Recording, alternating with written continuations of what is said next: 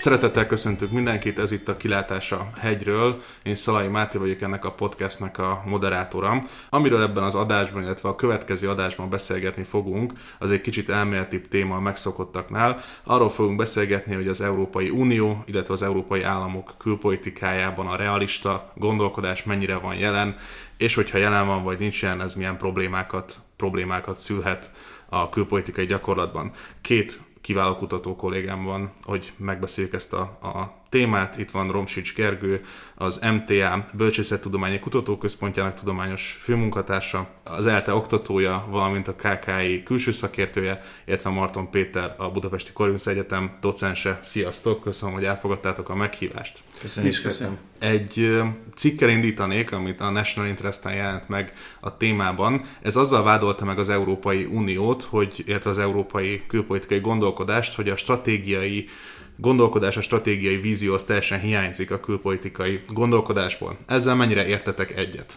Ja, a cikk nem feltétlenül kizárólag csak a stratégiai gondolkodást hiányolja, hanem összekapcsolja ezt a reálpolitikai felfogással, illetve kifejezetten a nemzetközi kapcsolatoknak a realista elméletével, és azért ezek egy döntéshozónak a gyakorlati világából szemlélve sokszor erősen elvarázsolt dolgok. Nem vagyok biztos benne, hogy attól lesz úgymond földhöz ragadtabb és ugye a hétköznapi értelemben realistában az Európai Uniónak, vagy az európai országoknak a politikája, hogyha elkezdik a nemzetközi kapcsolatok elméletét mondjuk tankönyvben tanulmányozni.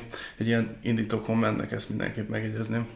Igen, itt valóban teljes mértékben csatlakozni szeretnék, és nem tudom, hogy például Corvinus, te mivel szoktál találkozni, nekem az egyik fő problémám egyébként az az LTN, a Társadalomtudományi Karon, amikor megpróbáljuk elmagyarázni tanárkollégáimmal azt, hogy eh, a realizmus az egy elmélet, ami a világot magyarázza, próbálja a nemzetközi viszonyoknak valamilyen szeletét értelmezni, de nem feltétlenül az aktorokra praktikus használni, hiszen Miért gondolnák azt, hogy az jó lenne, hogy az Európai Unió azt gondolná, hogy a világpolitikai szereplők azok monadikus, bonthatatlan, atomisztikus egységekként biztonságmaximalizáló politikát folytatnak egy anonikus rendszerbe. Tehát valóban nekem is az volt az egyik problémám a cikkel, hogy nem reflektált azt hiszem arra, hogy valójában, amikor realistát mond, akkor reálpolitikait akar mondani, de ezt Máté szerencsére már korrigálta nekünk. Tehát ilyen jó indulat olvasattal nézve, szerintem azért kapunk egy értelmezhető és komoly kérdést,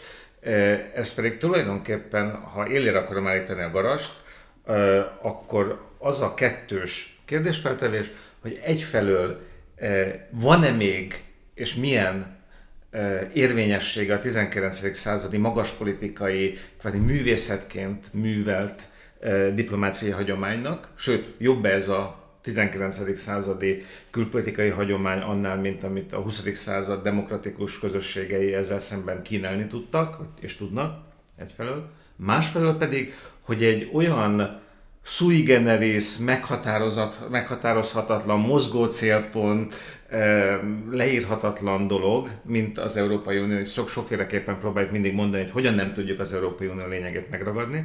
Tehát, hogy egy ilyen furcsa, zoológiailag leírhatatlan állatfaj, mint az Európai Unió, mennyit profitálhat abból, hogyha esetleg hagyományos államok és állami szereplők számára értelmezhető külpolitikai tudásokat próbál belecsatornázni a saját működési rendszerébe. Ez egy, ezek szerintem valid kérdések, és az én provokatív első válaszom az az lenne, hogy az Európai Unió annál hatékonyabb a külpolitikában, és ezt szerintem, hogyha megnézzük az elmúlt évtizedeknek a, a tapasztalatát, akkor ez empirikusan is igazolható, minél kevésbé foglalkozik ezekkel a fajta Westfáli államokra szabott hagyományokkal, és minél bátrabban teremt új külpolitikát. Tehát én mélyen nem értek egyet a cikkel. De ezt tudom, hogy egy vitatható állítás, magam is provokációként dobom be az elején. Ha már különleges állatoknál tartunk, akkor képzeljünk el, egy nagyon-nagyon furcsa legyet, amelyik belekeveredik egy póknak a hálójába,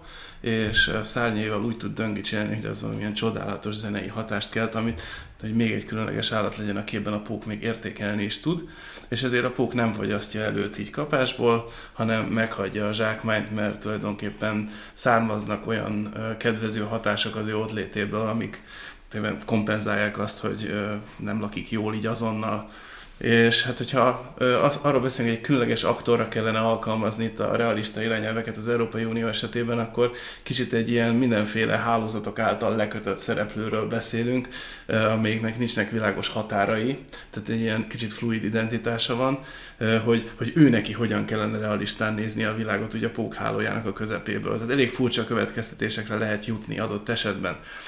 Ha már pókot említünk, egyébként, hogy kicsit tovább vigyem a vitát bizonyos irányokban.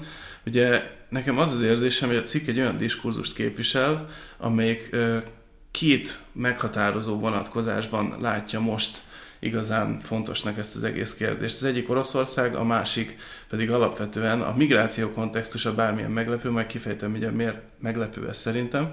Szóval ami a Oroszországot illeti, kétféleképp vetődik fel a kérdés, hogy hogyan lehetne realistább a az Európai Unió, vagy inkább maguk az európai országok, akik felvetik ezt a kérdést, például azt szeretnék, hogy az Európai Unió kölcsön többet védelemre, haderőre, illetve hogy amikor például az Európai Unió bővítéséről van szó, akkor legyen úgymond egy óvatosabb megközelítés, amely úgymond geopolitikai érdekszférákat számításba vesz. Ez is tipikusan egy ilyen realistábbnak elvárt dolog a, azok részéről, akik ezt így pedzegetik az európai országok felé.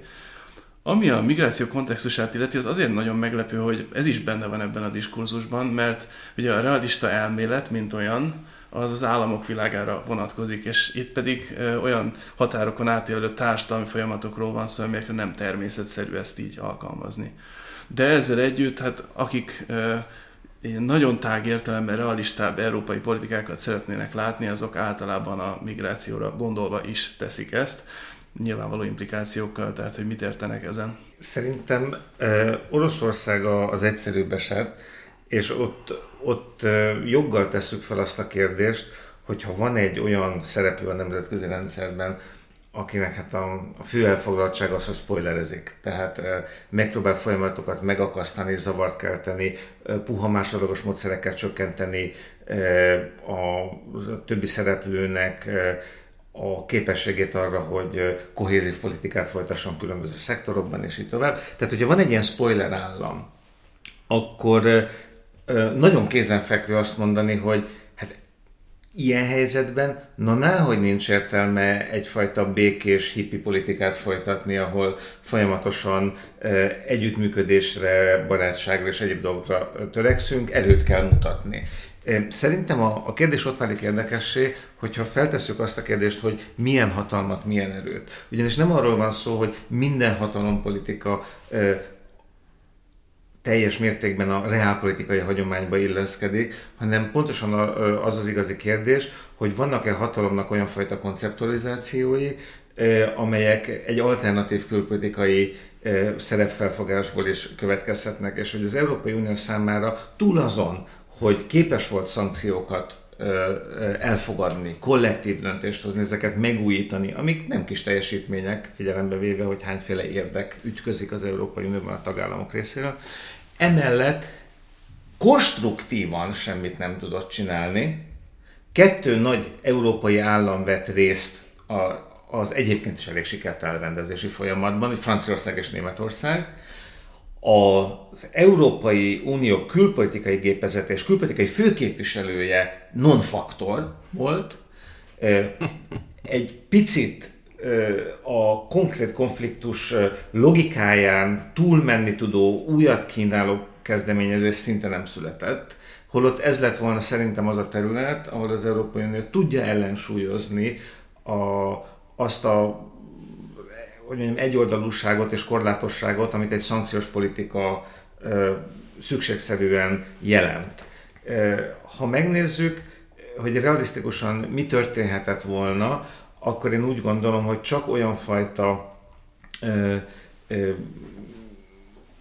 egyfelől Ukrajnát támogató ö, különböző békés, tehát nem katonai célú, nem az, nem az amerikai Egyesült Államok adjon Javelin rakétákat Ukrajnának, az a dolga. Az európainak nem az a dolga, hogy fegyverzetet adjon át, de sokkal többet tud segíteni. Hogyha ilyen területeken például erőt tudott volna demonstrálni, békés erőt, rezilien, rezilienciát tudott volna építeni egy nagyon gyenge állam esetében, Ukrajna esetében az Európai Unió, azzal szerintem sokkal többet ért volna el külpolitikailag, mint bármilyen szankciós rezsimmel. Én a magam részéről azt valamennyire vitathatónak látom, hogy például gazdasági segítségnyújtás útján mit lehet elérni Ukrajnával kapcsolatban tekintettel arra, hogy a korrupció szisztemikus probléma. Tehát ezen tényleg, hogyha az Európai Unió maximálisan eltökélt lenne arra, hogy mondjuk Kiev oldalán ilyen tekintetben beszállva próbálja befolyásolni a folyamatokat, akkor sem tudna könnyen változtatni. De az minden esetre figyelemre méltó, hogy egyáltalán nem ez a megközelítés volt jellemző, hogy erre lett volna valóban egy kemény törekvés. Sokkal inkább az volt a jellemző, hogy minden lehetőleg filére kiszámolva azért érje meg nekünk hosszú távon. Tehát Ukrajnára kicsit ilyen business as usual módban tekintettek 2014 előtt is és után is. Tehát a végső cél azért az alapvetően, hogy senki ne járjon rosszul, miközben a realizmusban nem feltétlenül az következik, hogy valaki mohóbb, az adott esetben kész lehet áldozatokat hozni olyan dolgokért, amelyek valamilyen más dimenzióban lehetnek kifizetődők, nem konkrét materiális értelemben például. De akár úgy is. És hát Stefán Fülét idézném ezzel kapcsolatban, ez tényleg egy sokat mondó idézet, amikor a, az ukránok előálltak egy előrejelzéssel, hogy nekik mennyibe fog kerülni az, hogyha a társulási megállapodás létrejön az Európai Unióval, és akkor a Füle elröhögte magát, hogy hát azért meteorcsapásra is kértek egyébként költségbeslést, hogy, tehát, hogy ez nekik mennyibe fog kerülni, mert nyilván arra játszottak az ukránok, hogy minél több pénzt kisajtoljanak az EU-ból, és az EU absz- abszolút nem volt hajlandó ezzel kapcsolatban együttműködni velük. Tehát, hogy nem az volt a jellemző, hogy az EU mindenre meg akarta volna kaparintani Ukrajnát, ezért is egyébként vicces, amikor a másik oldalról meg azt halljuk, hogy mindenféle összeesküvések voltak, mert abszolút nem ez volt az EU megközelítés, pedig lehet, hogy ez kellett volna, hogy legyen, hogyha itt valóban valami fajta realista logika érvényesül. Mielőtt még fejest ugranánk a különböző esettanulmányokba, visszaugranék a transatlanti kapcsolatokhoz egy pillanatra, és a, a különböző hát, eltérő stratégiai gondolkodások leképeződését a transatlanti kapcsolatokra. Talán, ha jól emlékszem, a 2003-as iraki beavatkozásnál volt ez a Vénusz-Mars hasonlat az amerikai és az európai álláspont között.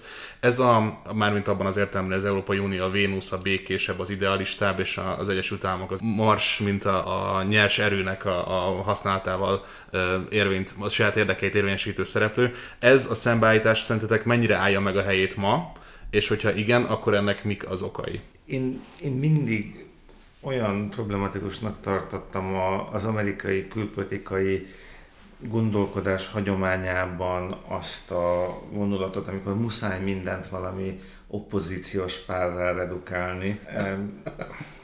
Itt nyilván Kerennek ez a gondolat, amelyiként predatálja az iraki inváziót. Tehát ez a neokon gondolkodásban kialakult a 90-es évek végére és a 2000-es évek elejétől kezdve meghatározza bizonyos értelemben azt a fajta sémát, amiben elhelyezik egyfel az Egyesült Államok, másokat, másfél pedig az Európai Uniót a, a neokonzervatívok. Tehát, tehát ezt a sémát, amely nagyon megkapó egyszerűségében, úgy gondolom azért nem praktikus nekünk adoptálni, mert eh, ha valaki egy picit is ismeri az Egyesült Államoknak a külpolitikai eszközrendszerét, eh, annak a kiterjedtségét és sokdimenziósságát, akkor egy pillanatig nem fog arra gondolni, hogy ez, ez így lenne. Ha valaki megfigyeli azt, hogy évtizedeken át milyen kitartással utaztattak a vezetőket, potenciális, a jövő potenciális vezetőit amerikai tanulmányutakra, milyen prioritás az, hogy minden országnak lehetőség szerint a politikai elitjében legyenek olyan emberek, akik amerikai egyetemen diplomáztak, és így tovább. Itt a különböző, mondjuk úgy, hogy ideációs, strukturális hatalmi befektetéseknek, tehát nem a kényszerítő erőnek, hanem a hosszú távú identitásformáló típusú strukturálisnak nevezzük ugye ezt a társadalmi strukturális hatalmi politikáknak, polisziknek. Egy olyan, olyan erdejével állunk szemben, ami nagyon jól mutatja, hogy a neokonok egy adott politikai helyzetben egy adott politikai üzenetet kívántak küldeni, és nagyon mi hibázunk, hogyha az ő szépen fölöltöztetett aktuál politikai üzengetésüket esetleg olyan komolyan veszük, hogy tényleg azt gondoljuk, hogy ennek alapján magyarázni lehet a, a, a két stratégiai kultúra különbségét. De abban egyértelműen a, a, a kérdésed által Máté implikált dologban szerintem igazad van, hogy az Egyesült Államok megőrizte a, a kemény hatalom használatának egy kultúráját, amely kultúra történelmileg teljes mértékben érthető okokból Európából nagyobb részt kiveszett. Nagy-Britanniából nem, Franciaországból nem annyira, de egyéb részeiből azért háttérbe szorult. A lengyelek ilyen szempontból egy, egy, egy, egy érdekes kérdés.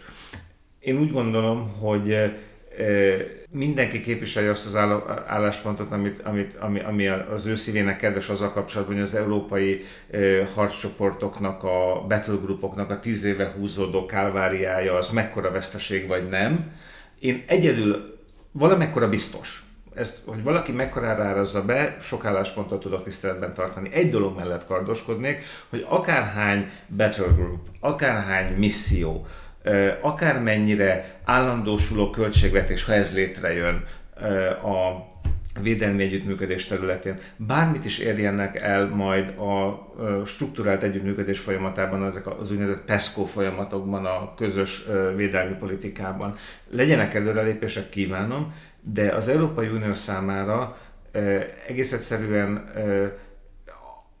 abból kifolyólag, hogy létezik az Egyesült Államok, és léteznek versengő nagyhatalmak is, mint Kína és Oroszország, legalábbis a következő évtizedekben egyértelműen fontosabb külpolitikai erősebb külpolitikai eszközök állnak a rendelkezésre a nem konvencionális területen, és amennyire, hogy mondjam, lehet ostorozni az Európai Uniót olyan szempontból, hogy a védelmi politikában ezt meg azt nem érte el. Picit mindig ilyenkor az az érzésem, hogy fontos erről beszélni, beszéljünk is róla, de annak a sokkal komplexebb kérdésnek a feltevése, hogy az európai gazdasági és civilizációs kulturális hatalom felhasználtsága, kihasználtsága milyen arányú, hogyan lehetne ezen változtatni, sokkal komplexebb kérdés, sokkal nehezebb megragadni, és lehet, hogy ezért sokkal kevesebbet is beszélünk róla, holott ez hiba, mert az európai külpolitikai érdekérvényesítő és rendszerformáló, ugye systemic shaping potenciál itt lakozik, nem mások. Én a magam részéről azt említeném, amit tulajdonképpen Gergő részben már szóba hozott, hogy az angolokra, franciákra biztosan nem lehet elmondani, hogy az ő stratégiai kultúrájuk az távol állna például a katonai erő használatától és hát nyilván ahol a jelentős expedíciós képességek komoly posztkoloniális érdekeltségekkel társulnak, az egy olyan kombináció, ami mutatja, hogy, hogy Európában is valójában jelen van ez a fajta stratégiai gondolkodás, hogy be kell avatkoznunk akár távoli folyamatokba is. Ráadásul ez az Európai Uniónak a, a biztonsági stratégiájában is megjelent a One and Only biztonsági stratégiában, és hát következésképp azt sem lehet mondani, hogy valamilyen szinten ne tette volna magáével ez az egész közösség. Ha már Kegenről, meg neokonokról beszélünk, ugye annak idején, amellett, hogy üzenték ezt, hogy ti vénusziak vagytok, és lehet, hogy át kell bizonyos dolgokat adott esetben gondolnotok, azért a, ugye Ramsfelddel indult az új Európának az emlegetése, hogy itt potenciálisan egy új, és hát a miénkhez hasonló kultúra jön be akkor az Európai Unió berkeibe. Ez lehet, hogy a lengyelekkel valamennyire bejött ez a számítás, azért ebben sem vagyok maximálisan biztos. Hát a többi kelet-közép-európai országgal nem annyira mondjuk. De, de mindenképp egy vegyes képről beszélhetünk. A, a Kegennek az írásai közül egy bizonyos metaforát ragadnék ki, ha már így emlegetjük, mert az nagyon tanulságos az egész vita szempontjából. De mit csinál az, aki egy erdőben találja magát a sűrű rengetegben, és akkor van nála mondjuk egy puska, vagy van nála mondjuk egy kés, és tisztában van azzal, hogy az erdőben lakozik egy medve. Hogyha van nála puska, akkor az a célra vezető, hogyha elindul és megpróbálja levadászni a medvét, hiszen ha ő lepi meg a medvét, akkor a puskával nyert ügye van. Viszont ha kés van nála, akkor az végső esetben jó eszköz csak, tehát azt arra kell használnia, hogyha őt lepi meg a medve, és leteperi őt, akkor talán alulról hasba tudja szúrni az állatot. Ezt még részletesebben sikerült kifejtenem, mint a kegennek egyébként, most így belelendültem. Szóval ez, ez valamennyire jelen van az európai országok megközelítésében, nyilván számos válságban, és ezzel kapcsolatban egy ilyen általános érzület, ami generálja ezeket a kritikákat, hogy nem elég realista az európai politika, úgymond. Tehát tényleg, amikor a Skripál ügy kapcsán többek között arról folyik a vita, hogy milyen szinten képviseltethetjük magunkat a futball világbajnokság megnyitása alkalmából. Tehát de írni fogunk egy dühös levelet, aztán írunk egy még dühösebb levelet. Tehát körülbelül tényleg ilyen dolgokra folyik néha a vita. Legalábbis ez a látszat, hogy nincs semmiféle erélyes válasz olyan helyzetekben, amikor ez egyébként megkívánt lenne. De hát közben az Egyesült Államok külpolitikáját, ha szemügyre vesszük, ott sem azt látjuk, hogy állandóan medvékre vadásznának. Lehet, hogy többet beszélnek ilyesmiről, de ők sem képesek arra, hogy mindig elinduljanak minden egyes medve után. Nekik is alapvető megfontolásokra van szükség ezzel kapcsolatban, és jól meg kell választaniuk azokat a pillanatokat, amikor cselekednek. És hát lehet vitatkozni arról, hogy az elmúlt évtizedekben jól választották-e meg egyébként ezeket a pillanatokat. Szerintem itt fölmerült egy nagyon fontos kérdés, ami, ami mellett nagyon nagy hiba lenne, hogy úgy mennénk el, hogy te ez valójában implikálja az, amit mondasz, csak én hagyd domborítsam egy picit jobban ki, mert, mert szerintem kulcsfontosságú. E, e, ugyanis arról eddig nem beszéltünk, hogy amellett, hogy van-e, és hát valamilyen for, állapotban és stádiumban persze van európai külpolitika és európai külpolitikai identitás, emellett léteznek nemzeti külpolitikai identitások, és ezek nagyon különbözőek. Én, ha mondhatok egy színikus dolgot, úgy gondolom, hogy félig volt igazad abban, amit arról mondtál, hogy csak Lengyelország az, ahol az amerikaiak olyan értelemben megtalálhatták a külpolitikai számításokat, hogy egy atlantista, intervencionista, ideológiai értelemben véve liberális, internacionalista szimpátiákkal is bíró ország került az Európai Unióba. Ez egyébként tisztán külpolitikailag még valamennyire a Kaczynszki kormány alatt is igaz.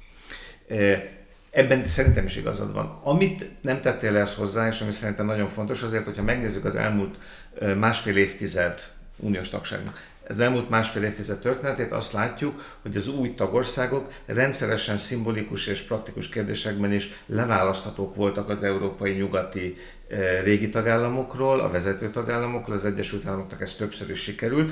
Gondolok itt például az új Európa valóban, amit mondtam, Megyesi Péter is más új tagállamok minisztereivel, miniszterelnökeivel, kormányfőivel támogatta a, a csatlakozás előtt egy évvel az iraki intervenciót, és ebből akkor rossz véri született. De ez azóta is sokszor megtörtént. A román külpolitika egy nagyon jó eset tanulmány azzal kapcsolatban, hogy azért az Amerikai Egyesült Államok mikor, milyen módon képes továbbra is egy, ha van egy minimális érdekközösség befolyásolni ezeknek az országoknak a, a, a külpolitikát, a cseheknél is sokszorosan van erre példa, és Magyarország történetében, elmúlt 15 évének történetében is, meg az ellenkezőjére is, ami szintén érdekes, hogy Oroszország is képes befolyásolni. Tehát a bővítés egy nagyon komoly kérdés az európai külpolitikai identitás és külpolitikai cselekvőképesség szempontjából a keleti bővítés az Európai Uniónak, a 2004-es és 2007-es fordulókra gondolok itt. Túl azon, hogy esetleg ezek nem igazi atlantista országok, ez így van valószínűleg, annyit ki lehet jelenteni, hogy mindenképpen olyan országok, amik legalábbis az Egyesült Államok, de esetleg más oldalakról is leválaszthatók egy európai külpolitikáról, és harmadikként, ugye említette az Egyesült Államokat, említettem Oroszországot, hagyd tegyem ezt hozzá Kínát. Önmagában az a tény, hogy a közép és hosszú távon legjelentősebb felemelkedő hatalommal ö, szemben ezek az országok elfogadták a 16 plusz 1-es formátumot.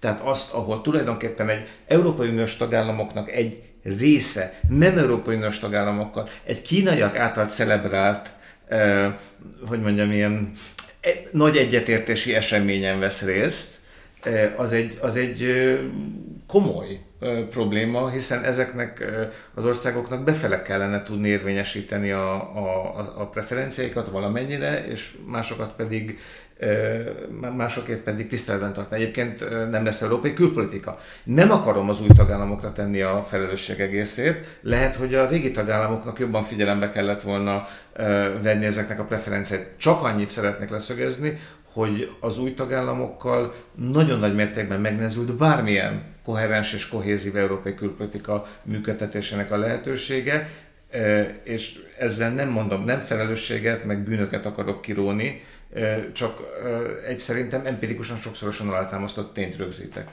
Én a magam részéről még annyit tennék ehhez hozzá, hogy én meg vagyok róla győződve, hogy azért nem csak az új tagállamokat terheli a felelősség, tehát itt az Európai Unióban nagyon régóta jelenlévő, igazából az Európai Unió előtti időkre visszanyúló szisztemikus jelenségről van szó, tehát ha csak az 1973-as olajválságnak a diplomáciáját megnézzük, ott is tökéletesen hiányzott a szolidaritás az európai államok közül. És... De annak nyomán indult volna el a gondolkodás, hát az lett volna kiváltók. Tehát...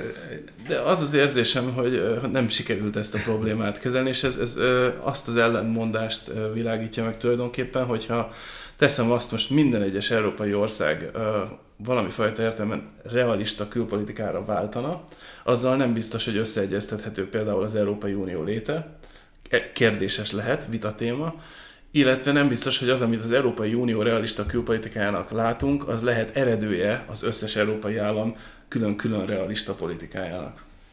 Mindezek a folyamatok hogyan csapódnak le az elmúlt néhány év közös külös biztonságpolitikai stratégia alkotási tevékenységén? Gondolok itt például a globális stratégiára. Én úgy gondolom, hogy a, az a tény, hogy 2003 után, amit talán javítsatok ide, 2008-ban kapott egy talán egy frissítést az eredeti Európai Biztonsági Stratégia, amit 2003-as az eredeti. 2003 után sikerült egy új alap okmányt létrehozni, az önmagában ígéretes, és persze ahogy az előző sem, úgy ez sem egy valódi külpolitika önmagában. Az a kérdés, hogy erre az útról hogyan lehet tovább menni. Én elég sok olyan kritikát olvastam, ami arra próbált kiukadni, arra volt kihegyezve, hogy 16-ban végre az Európai Unió egy ilyen, és aztán jön a Brexit, és jön a Trump adminisztráció, és az egész megy ki az ablakon. De szerintem ez hülyeség. Egy stratégiának pont az a lényege, hogy attól, hogy előre nem látható dolgok történnek, ne kelljen kimenni az ablakon. Ilyen szemmel én megnéztem tegnap éjszaka ezt a stratégiát, pont erre a mai beszélgetésre készülve, egyébként nem ezzel töltöm az estémet, és, és próbáltam magamnak föltenni a kérdést, hogy ebből mi az, ami, ami, ami nem igaz. És lehet, hogy egy pár hangsúlyt másképp lehet megtenni, de a stratégia ellátja azt a funkciót, amire szükség van. Meghatároz egy olyan poszt ezredfordulós világképet, amelyben az Európai Unió, úgy, ahogy ezt egyébként már a szomszédságpolitika 2015-ös rekonceptualizálása is tartalmazta, lemond a tágabb szomszédos makrorégióknak a demokratizálásáról, egy stabilitáscentrikus külpolitikát fogalmaz meg, amely azonban nem egy értékmentes stabilitás külpolitika, hanem egy továbbra is a kiszámíthatóságot, a jogállamiságot, a gazdasági nyitást támogató, csak egy, egy, nem egy demokratikus utópiát egyfajta végpontként a horizontra vetítő elgondolás. Megfelele ez egy olyan szituációnak, ahol azt látjuk, hogy a 90-es évek mondjuk úgy, hogy politikai, liberális kormányzatisági konszenzusa, tehát hogy különböző aktorok, különböző nemzetközi szervezetek révén újra szocializálják a globuszt, tehát abban a helyzetben ez ebbe vetett hit megrendült, és ahol számtalan ellentétes folyamat figyelhető meg, ez egy adekvát válasz. Ez a következő 10-15 évre alig ha fog elavulni. Most az a kérdés, és megint a veszőparipámhoz térek vissza, hogy túl azon, hogy ilyen meg olyan védelmi biztonsági együttműködést beindítunk, és lesz évente review, tehát értékelés, ellenőrzés annak, hogy a, a PESCO keretében, a struktúrált együttműködés keretében tett vállalásokat melyik állam hogy valósítja meg, hogy lesznek gazdái az egyes PESCO területeknek, 17 vagy 20 ilyen terület van, mint az olaszoké ugye a, a tengeri ellenőrzés és határvédelem logikus, tehát ilyen értelemben ezek természetes felosztásokban ilyen államkoalíciók vinnék az egyes területeit az új védelempolitikának. Mindez szép és jó, de hova jutottunk el az elmúlt másfél évben? Az Európai Unió tényleges potenciáját nagyobb részt kitevő nem kemény területeknek a streamliningjában, a újragondolásában, struktúrálásában, eh, operacionalizálásában, hogy, hogy jobban bevethető legyen. Szerintem szinte sehova, de én leszek a leghálásabb, ha kijavítotok és elmondjátok, hogy milyen előrelépés történt a nem védelmi területen az elmúlt másfél évben. Akkor jól értem, hogy eh, Gergőnek az az álláspontot, hogy nem a stratégiai gondolkodással van baj, hanem a kapacitás építése, illetve az ideák gyakorlati alkalmazásával? Igen, erre van egy szép szavunk, ezt úgy, hogy a politikai akarattal political will. Tehát ez, ez örökké az, amin ezek a dolgok elbuknak. Egyébként ez nem az én ötletem, egy 2017 végén megjelent nagyon kiváló elemzésben olvasható, amit a Carnegie Alapítvány rendelt az európai külpolitikáról. Az a odaszúrás, és tusé, hogy amennyit például Emmanuel Macron beszélni tudott arról, hogy az Európai Unió majd hogyan induljon el újra, és mi minden történjen, és hogyan mi változzon meg, a külpolit- az Európai Uniós külpolitikáról való véleményt a következőképpen lehet összefoglalni. Ennyi. Nem beszél róla. A francia külpolitikai identitás láthatóan keményebb Macron európai elkötelezettségénél. Ilyen helyzetben ezt nem lehet másképp értelmezni, mint a politikai akarat hiányát szerintem. Péter, te egyetértesz ezzel a gondolattal? Igen. Stratégiai gondolkodás van, csak az nem ilyen merev, realista keretek között uh-huh. kell, hogy érvényesüljön, amit mondjuk egy nemzetközi kapcsolatok elmetett tankönyvben a diákoknak magyarázunk, hanem a, inkább a neoklasszikus realizmus jegyében, tehát nyitva ugye annak figyelembevétele felé, hogy több szinten születnek döntések, hogy több szintű ratifikációs kihívások vannak, hogy rengeteg érdekcsoport mozgolódik, hogy itt állandóan az összes tagállamnak az akaratát össze kell egyeztetni, tehát nem egy darab politikai akarat van, hanem ugye az összesnek az mhm. akaratát figyelembe kell venni. Nézzük meg még egy konkrét esetet, amiben tudjuk értékelni az európai stratégiai gondolkodást, vagy annak hiányát. Mit gondoltok mondjuk az iráni nukleáris megállapodás megkötése, illetve a mostani válsága kapcsán történt európai külpolitikai cselekvéstől? Mennyire láthatjuk a stratégiai gondolkodást, vagy annak hiányát? Én erre elsőként azt mondanám, hogy itt lehet, hogy a stratégiai gondolkodás elsősorban Washingtonban hiányzott. Azért sok minden arra utal, hogy Hát nem is az, hogy sok minden arra utal, hanem inkább azt mondjuk, hogy semmi nem utal arra, hogy a Genfi megállapodást úgy meg kellett volna kérdőjelezni, hogy azt Trump megtette. Tehát az irániak nem csináltak ezen a fronton olyasmit, ami alapján ez indokolt lett volna. Egy kicsit ilyen mondva csinált igazolást talált ki hozzá a Trump adminisztráció, hogy milyen korábban be nem jelentett dolgok alapján kell ezt Iránnal szemben megtenni. Most hát van ez az állapot, amikor az egész megállapodás jövője nyilván erősen bizonytalan, itt az Európai Unió, hogy mit tud majd lépni, ez bizonyos esetben egy nyitott kérdés. Kitartani a megállapodás mellett valószínűleg megéri. Az biztos, hogy ugyanakkor kell egy stratégiai párbeszédet folytatni, tehát a realizmushoz egy ilyen tágabb értelemben az is hozzátartozik, hogy a másik álláspontját megértve próbálom meg azt közelíteni a magaméhoz, ha úgy gondolom, hogy a magamé az abszolút tartandó álláspont. Tehát, hogyha egyszer az amerikaiak részéről sok a panasz azzal kapcsolatban, hogy Irán mennyire aktív a tágabb közel-kelet térségében, például a szíriai konfliktusban, például egyéb területeken, akkor valahogy ezt is be kell venni a csomagba a Genfi megállapodás jövőjét illetően, hogy tárgyaljunk arról, hogy mit lehet kezdeni Iránnal, ha már kihívásként határozódik meg Irán egyértelműen Washington számára.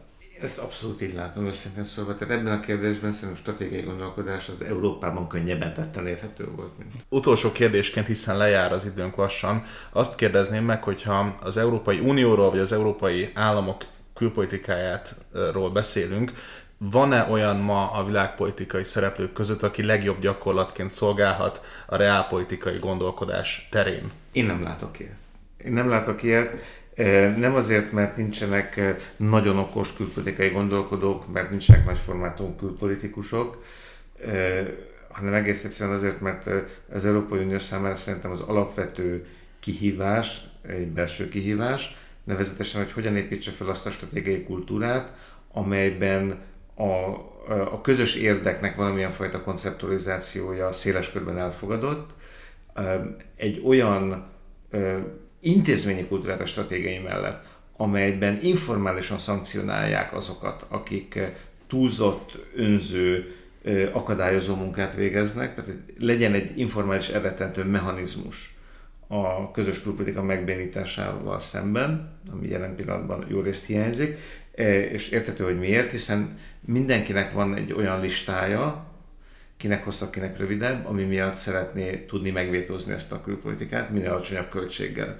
E, amíg ezt a, az akadályt valamilyen mértékben nem sikerül áthidalni, addig úgy gondolom, hogy ez marad az elsődleges kihívás az Európai Unió számára. Éppen ezért bármilyen Európai Uniós politika szerintem e, nem ott e, válik kudarcossá, hogy a világot rosszul fogja fel az Európai Unió elitjének, meghatározó szegmensek. Pont most értettünk egyet abban, hogy Irán helyesebben értékeltek, mint az amerikaiak. Hanem ott, hogy a, a azt a páratlan vállalkozást, ami az Európai Unió, ezt az egészen furcsa és leírhatatlan politikai kentaurt megtanítani arra, hogy a külpolitikában hogyan tud mozogni, ez, ez egy le nem zárult folyamat, és sőt azt lehet mondani, egy stagnáló folyamat, és én többszörösen a beszélgetésünk során arra próbáltam kitérni, és remélem ezt sikerült eléggé hangsúlyoznom, hogy ennek a belső, méghozzá a politikai akaratformálódás és a policy meghatározás, tehát a végrehajtásig eljutó ö, szegmensében kell előrelépni. Sem a stratégiai gondolkodás állapotát nem tartom szörnyűnek, sem pedig azt, hogy ha már nagy néha egyetértés van valamiben, akkor ott utána mi történik. Van ez a köztes kultzóna, ez egy transmissziós öv, amin a nagy elveket a konkrét politikai alkalmazásig le kell vezetni, formába kell önteni, adaptálni kell. És itt van szerintem rengeteg gátló tényező, nem utolsó sorban egyfajta közösségi szolidaritás hiánya. Azt hiszem, hogy ez nem az a pillanat a világ történetben, amikor a közösségi szolidaritás új csúcsokat fog döntögetni. Éppen ezért nem úgy gondolom, hogy itt óriási áttörést lehetne elérni. Okos politikának mindig van valamennyi terepe, valamennyit mindig lehet javítani egy helyzeten. Ezt remélem, hogy meg fog történni, de nem várok áttörést. Úgy gondolom, hogy figyelembe véve, hogy milyen kihívások elé néz az emberiség az elkövetkező évtizedekben, amelyeket tényleg csak közösen lehet menedzselni. Bizonyos értelemben több Európai Unióra lenne szükség a világban, és a látszat ellenére, ha ez a látszat egyáltalán valaki számára, lehet, hogy azért továbbra is az Európai Unió lenne a eltanulható, elsajátítandó minta, még akkor is, hogyha nem számítok rá, hogy ugye ez a fajta együttműködés, ez a fajta mély együttműködés ez a világban széles körülbé válhatna egy könnyen. Ez gyönyörű végszó. Köszönöm szépen Romsics Gergelynek és Marton Péternek, hogy elfogadtátok a meghívást. Én Szalai Máté voltam, ez volt a kiáltás a hegyről, ezt a témát még folytatjuk a következő podcastban.